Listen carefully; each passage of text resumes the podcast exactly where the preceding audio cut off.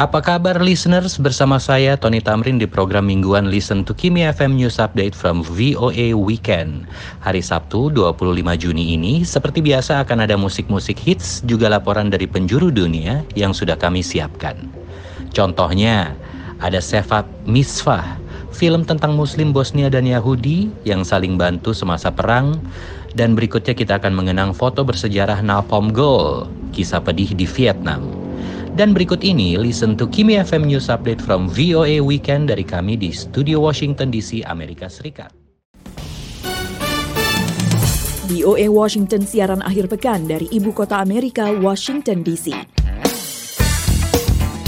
Halo, selamat malam pendengar setia VOA. Apa kabar? Senang sekali saya Le Johannes bisa kembali hadir untuk Anda Sabtu 25 Juni 2022.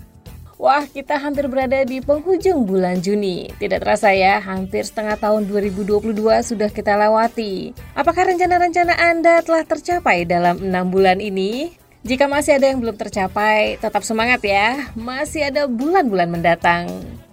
Dalam program VOA Weekend kali ini, produser acara Erna Wiasih sudah menyiapkan berbagai laporan menarik untuk menemani Anda menikmati akhir pekan. Mulai dari info film, info seputar Taman Kota Oasis di Bangkok, dan juga sebuah buku baru untuk memperkenalkan budaya Kamboja kepada anak-anak. Nah, sekarang kita mulai dulu yuk dengan info hiburan yaitu sebuah film baru, Sebab Mitzvah, yang mengisahkan tentang warga Muslim dan Yahudi di Bosnia yang saling membantu semasa perang.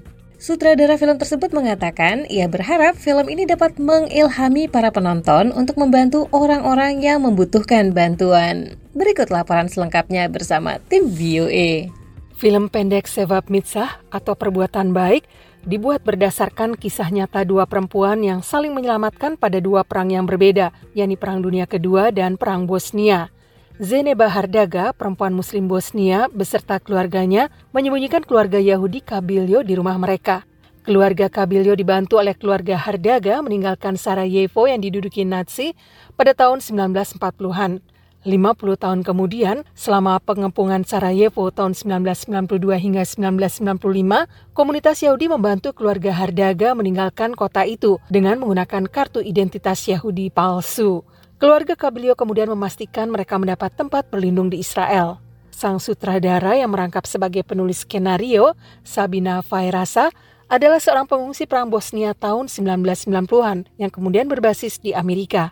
Fairasa mengatakan, And I thought that first of all, what a remarkable story in the reciprocity of goodness. And Saya pikir, pertama-tama, ini cerita luar biasa mengenai kebaikan yang dilakukan timbal balik. Kedua, ini adalah kisah mengenai orang Bosnia. Keinginan untuk membantu satu sama lain, tak peduli label apa pun yang disematkan dunia pada kita, begitu terasa dan umum di negara dan budaya tempat saya dibesarkan. Saya ingin merekam hal itu. Menurut Eli Tauber, Ketua Asosiasi Budaya Yahudi di Sarajevo, Zeneba Hardaga adalah perempuan muslim pertama yang diakui sebagai orang berbudi di antara bangsa-bangsa. Ini adalah kehormatan yang diberikan kepada non-Yahudi yang membantu orang-orang Yahudi lolos dari penganiayaan semasa Holocaust. Tauber mengatakan Hardaga juga membantu para anggota keluarganya untuk melarikan diri dari Sarajevo dengan memberi mereka penyamaran dan uang. Fairasa mengemukakan film itu menantang para pemirsa untuk menawarkan bantuan kepada siapa pun yang membutuhkan, meskipun itu berisiko bagi mereka. Evil keeps coming back and over and over, and wars keep happening over and over, and Kejahatan terus kembali dan kembali lagi. Perang terus terjadi, dan pesan menyeluruh dari film ini adalah ketika situasi seperti itu terjadi, ketika kejahatan datang mengetuk pintu Anda, Akankah Anda mengingat rasa kemanusiaan Anda? Akankah Anda ingat akan perasaan sevap dan mitzvah ini dan menyelamatkan yang lainnya? Atau akankah Anda menjadi ciut dan takut dan hanya memikirkan diri sendiri? Fairasa mengingatkan tentang perlunya berbuat baik apa pun yang terjadi.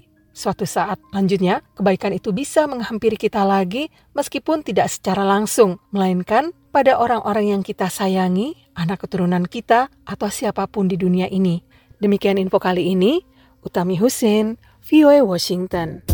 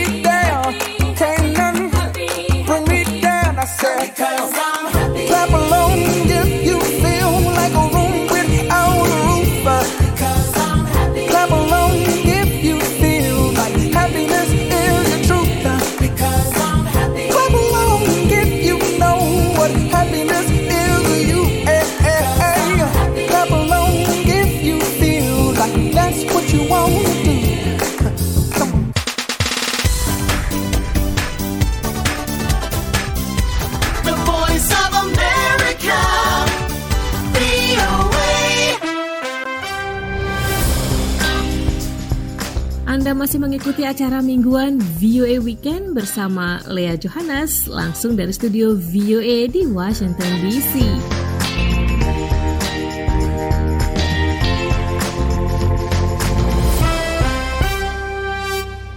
Laporan berikut ini mengisahkan persahabatan yang telah terjalin selama 50 tahun, ya 5 dekade. Bagaimana kisah awal persahabatan mereka? 50 tahun yang lalu, seorang juru foto muda meliput perang di tanah airnya di Vietnam. Ia mengambil sebuah foto seorang gadis yang tubuhnya terbakar dan sekaligus menyelamatkan nyawa gadis tersebut. Foto itu memenangkan anugerah Pulitzer dan peristiwa itu menginspirasi persahabatan di antara keduanya selama 50 tahun. Berikut laporan selengkapnya. Pendengar garis kecil itu telanjang dan lari sambil berteriak-teriak langsung ke arah kamera Nick Wood dan sejarah. Namanya Kim Puk dan begitu juru foto Associated Press itu mengambil fotonya 50 tahun lalu atau tepatnya pada 8 Juni 1972, ia tidak saja menjadi korban serangan napalm di sebuah dusun di Vietnam. Ia juga mendunia sebagai simbol perang yang tidak populer itu dan siksaan yang ditimpakan terhadap warga tidak bersalah dalam semua perang, terutama anak-anak. Ketika itu saya sedang mengambil foto, ketika saya sedang mengambil foto seorang anak laki-laki, ia meninggal di depan kamera saya. Ujung mata saya menangkap Kim berlari tanpa sehelai baju pun. Saya melihat ia terbakar ketika ia melewati tempat di mana berdiri. Saya melihat tubuhnya yang terbakar dan tahu ia akan meninggal. Itulah sebabnya saya meletakkan semua barang yang saya bawa di jalan. Saya ingin segera membantunya. Saya tidak ingin lagi mengambil foto, karena jika saya memilih mengambil lebih banyak foto, ia pasti tewas di sana. Saya ingin membantunya. Ada banyak wartawan di sana, tetapi semuanya pergi begitu saja. Setelah mengambil foto Kimpuk dan lainnya, Nick Ut melarikan garis itu dengan mobilnya ke rumah sakit terdekat. 65 persen tubuh gadis mungil itu terbakar. Dengan menunjukkan kartu pers, Nick Ut berhasil mendesak dokter agar segera merawat Kim. I thought, oh my goodness, I I got burned like that. I will be ugly girl, not normal anymore. So people will see me different way. Then I was so terrified. Saya pikir saya terbakar. Saya akan menjadi seorang gadis yang jelek dan tidak normal, ujar Kim. Jadi orang-orang melihat saya secara berbeda ketika itu. Saya sangat ketakutan. Tentu saja saya sangat berterima kasih pada Tuhan. Peristiwa yang melatar belakangi foto itu dan tindakan Nick Ut menyelamatkan gadis yang menjadi subjek fotonya kerap menjadi bagian dari latihan dasar para wartawan dan fotografer. Kembali Nick Ut. You know, you photo, photojournalist, if something happen like Kim, that day you need to help the people. Saya mengatakan kepada para juru foto dan wartawan baru, jika sesuatu terjadi seperti dalam peristiwa dengan Kim, kita harus menolong orang. Pertama-tama kita harus menolong orang sebelum pergi atau meninggalkan tempat. Selamatkan dulu nyawa orang. Ketika Nick Ut meninggalkan Vietnam, ia memastikan agar Kim tidak dilupakan. Kim yang kini tinggal di Toronto, Kanada, mengenang peristiwa itu tidak saja sebagai korban perang, tetapi juga penyintas yang kini memperjuangkan perdamaian. First of all, I want to be, I want to say thank you so much for Uncle Ut.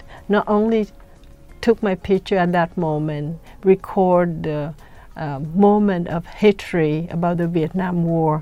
Saya adalah subjek foto itu. Sangat luar biasa ketika 50 tahun kemudian saya yang ketika itu menjadi korban perang dapat memberikan dampak besar pada dunia dan menyentuh hati banyak orang karena selembar foto itu.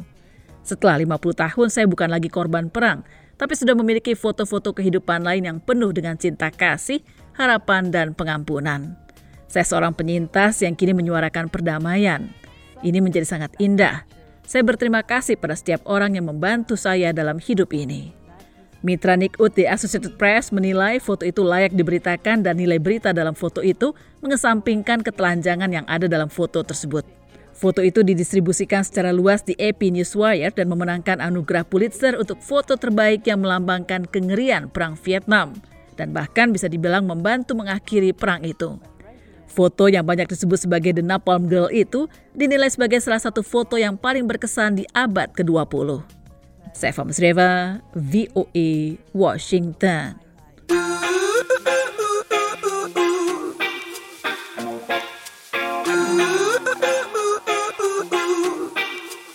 You and I go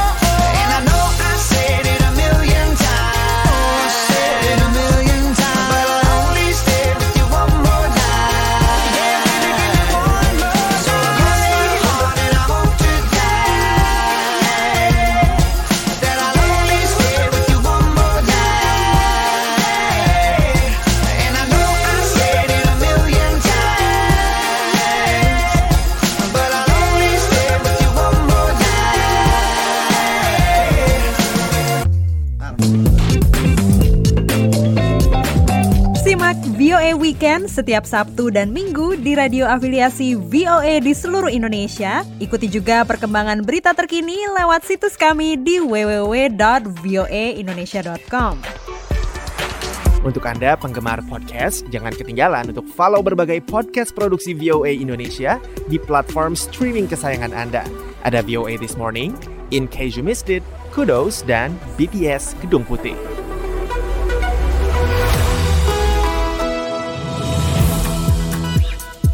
Anda masih mengikuti acara mingguan VOA Weekend bersama Lea Johannes langsung dari studio VOA di Washington DC.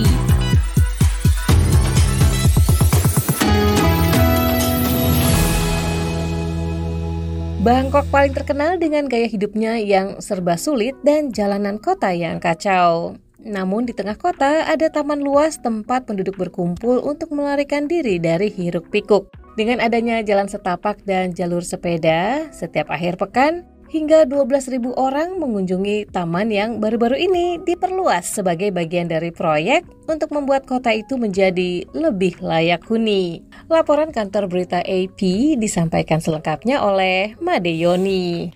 Taman yang syarat pepohonan, kolam, tanaman, dan kehidupan burung serta perluasan baru di taman dalam kota Bangkok disambut gembira oleh penduduk ibu kota yang dibangun secara serampangan itu. Taman ini sudah populer di kalangan pencinta alam seperti pengamat burung dan fotografer Somsak Jaitrong. The way they design the, the park is quite special. They can because they put all kinds of trees here. You know the bird they, they go where the, the food are, right? Cara mereka mendesain taman ini cukup istimewa karena mereka menanam menanam semua jenis pohon di sini. Burung-burung pergi ke tempat makanan kan? Jadi di sini cara mereka menanam segala jenis tanaman di sini cukup istimewa.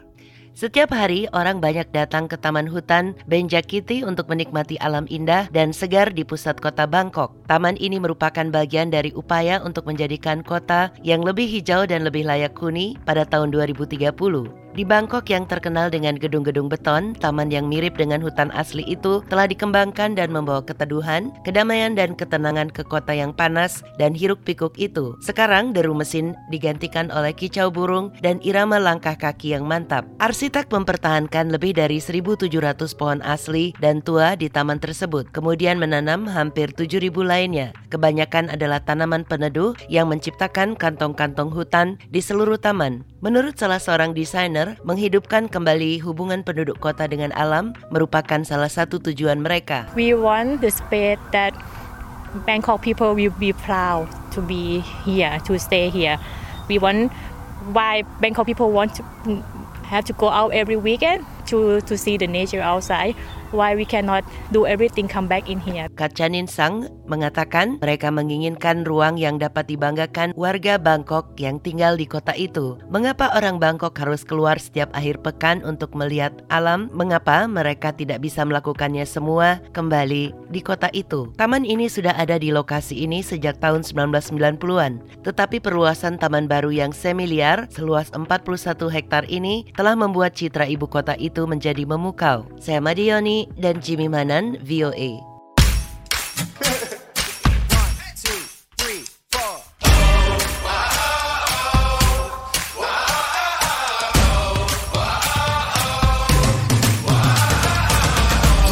you my winning. It's like 25 the life still you bust out of prison. Something's in the air, something's in the air.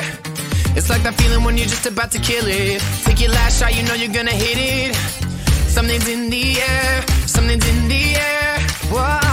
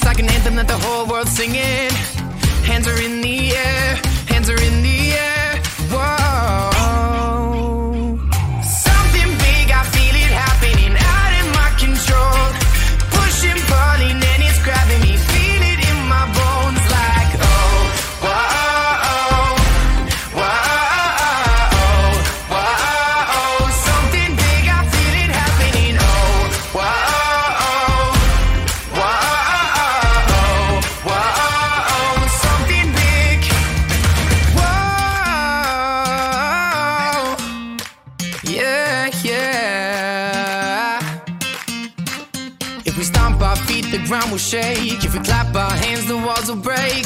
Yo, so loud, won't forget our names. Cause something big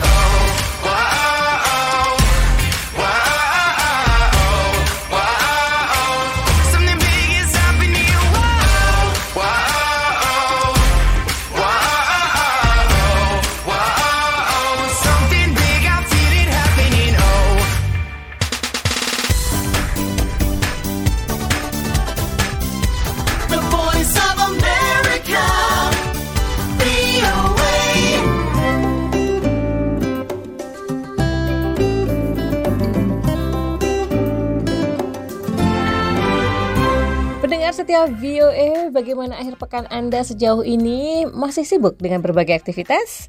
Atau sekarang sedang bersantai-santai saja nih? Masih ada satu info lagi yang bisa kita simak dalam program VOA Weekend hari ini yaitu tentang Kiri Sweet, seorang desainer grafis yang merupakan generasi kedua keturunan Kamboja. Dia telah menulis buku anak-anak yang bertujuan memperkenalkan anak-anak pada budaya Kamboja. Ikuti laporan selengkapnya bersama tim VOA. Ketika masih kecil di Kamboja, Kiri Sweet suka dengan kue ketan yang dibungkus daun pisang. Berbagi camilan itu pada Februari 2021 dengan kedua anaknya di kediamannya di Seattle, negara bagian Washington, dia berkeinginan memperkenalkan kebudayaan Khmer. Melalui aplikasi Zoom, Kiri Sweet mengatakan, I hadn't really um, made a way for them to connect with, you know, Cambodian culture and Cambodian heritage in a way that made it meaningful for them. Saya belum tahu bagaimana cara memperkenalkan mereka dengan budaya Kamboja dan warisan Kamboja dengan cara yang bermakna bagi mereka. Kiri Swiet, seorang desainer grafis, memutuskan untuk menulis dan mengilustrasikan sebuah buku tentang Kamboja untuk anak-anaknya. Lahir di Thailand pada tahun 1992, Swiet dibesarkan di Phnom Penh, Kamboja. Pada 2009, keluarganya pindah ke Seattle, di mana komunitas Kamboja sangat banyak. Veal Srai. R is for rice paddy. Bukunya menyoroti warisan budaya dan arsitektur Kamboja. Ini mencakup instruksi dasar dalam bahasa Khmer, bahasa ibu yang digunakan sebagian besar komunitas Kamboja. Dia melihat bukunya sebagai jembatan bagi semua anak di Amerika dan di tempat lainnya untuk menjelajahi budaya Kamboja yang kaya. Melalui aplikasi Zoom, Sweet menjelaskan, Um, a lot of it was informed by, and like choosing these words was informed by my childhood and um, growing up there and what I had experienced first. Banyak informasi ini saya terima, seperti memilih kata-kata ini ketika saya kecil dan besar di sana dan apa yang saya alami secara langsung. Ini adalah buku dasar tentang Kamboja. Bahasanya harus ada di sana sebagai pengenalan budaya dan bahasa dan tentang negara itu. Buku-buku anak-anak berbahasa Inggris mengenai Kamboja mengangkat genosida Khmer Merah dan suara dari imigran. Namun, buku ABCs of Cambodia karya Sweat menyuguhkan hal yang berbeda. I'm hoping we'll respond to it and see, yeah, like that's me. I'm also hoping that you know, Saya berharap orang-orang akan menyambutnya dan berkata, "Ya, itu saya." Saya juga berharap kita bisa menempatkan Kamboja di dalam peta dan kita dapat mengatakan ini adalah negara asal saya dan saya bangga. Saya berharap Anda juga belajar lebih dalam tentang negara ini dan ini cara menyenangkan untuk mempelajarinya. Dalam beberapa bulan, buku tersebut akan tersedia di Kickstarter, platform yang digunakan Sweet untuk mendanai proyeknya. Setelah itu, buku tersebut akan tersedia untuk anak-anak dan orang dewasa yang ingin mengetahuinya. Saya Karlina Amkas, VOA, Washington.